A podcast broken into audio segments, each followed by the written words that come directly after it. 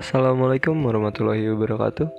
Hidup mahasiswa, hidup rakyat Indonesia, hidup pendidikan Indonesia. Perkenalkan, nama saya Muhammad Wilensyah. Saya dari jurusan Teknik Sipil angkatan 2017. Kali ini saya akan membahas tentang kepemimpinan masa kini.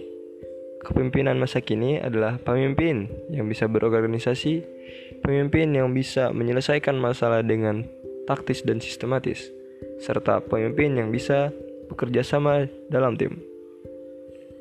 Pemimpin juga harus bisa memiliki sifat bertanggung jawab, pantang menyerah, dan selalu berpikir positif.